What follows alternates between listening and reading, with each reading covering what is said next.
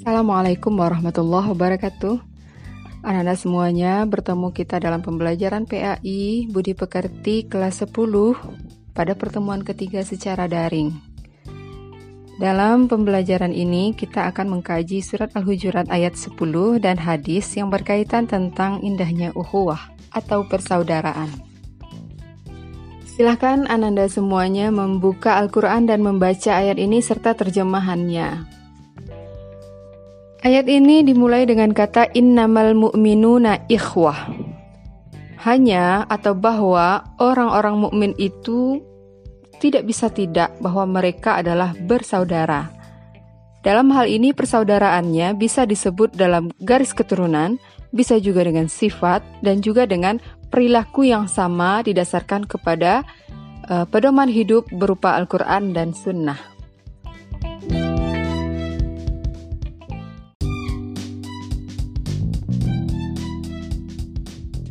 Ayat ini dijadikan landasan dalam menata hubungan keluarga, dalam bermasyarakat, dan hubungan sosial lainnya.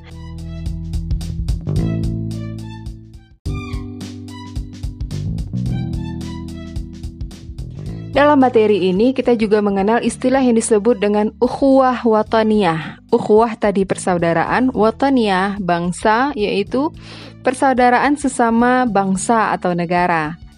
Sedangkan ukhuwah basyariah yaitu ukhuwah atau persaudaraan yang dijalin karena sama-sama makhluknya Allah. Lalu bagaimana ukhuwah itu dilaksanakan? Yang pertama, harus didasari dengan akidah atau iman yang benar. Yang kedua, persaudaraan tersebut seakan-akan menjadi satu keturunan yang sama, yaitu Bani Adam. Jadi bersaudara secara keseluruhan meskipun bukan dari ibu yang melahirkan yang satu. Nah, dengan penjelasan singkat ibu tadi, sikap apa saja kira-kira yang akan lahir atau muncul setelah kita mempelajari dalil Al-Quran tentang ukhuwah Islamiyah?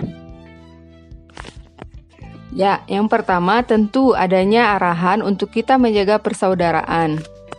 Yang kedua, untuk tidak mempersoalkan hal-hal furuk atau hal-hal kecil, hal-hal cabang yang berbeda, tapi lebih mengedepankan persatuan atau kebersamaan yang menyatukan.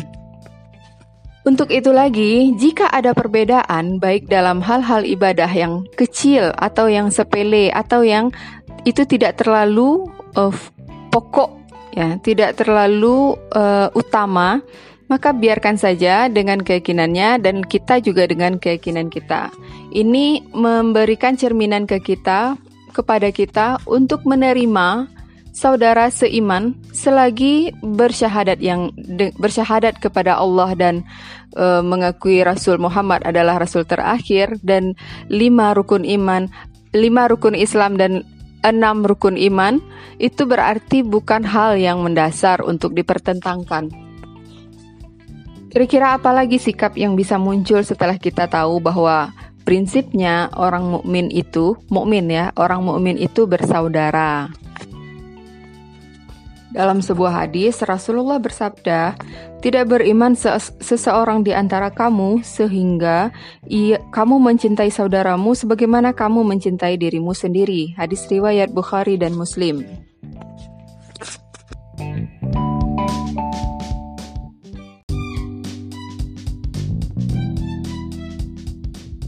Ananda, ada empat hal yang perlu kita perhatikan dalam materi ukhuwah Islamiyah ini. Uh, jika seseorang sudah tahu ukhuwah Islamiyah, maka dia akan melakukan empat hal. Apa itu?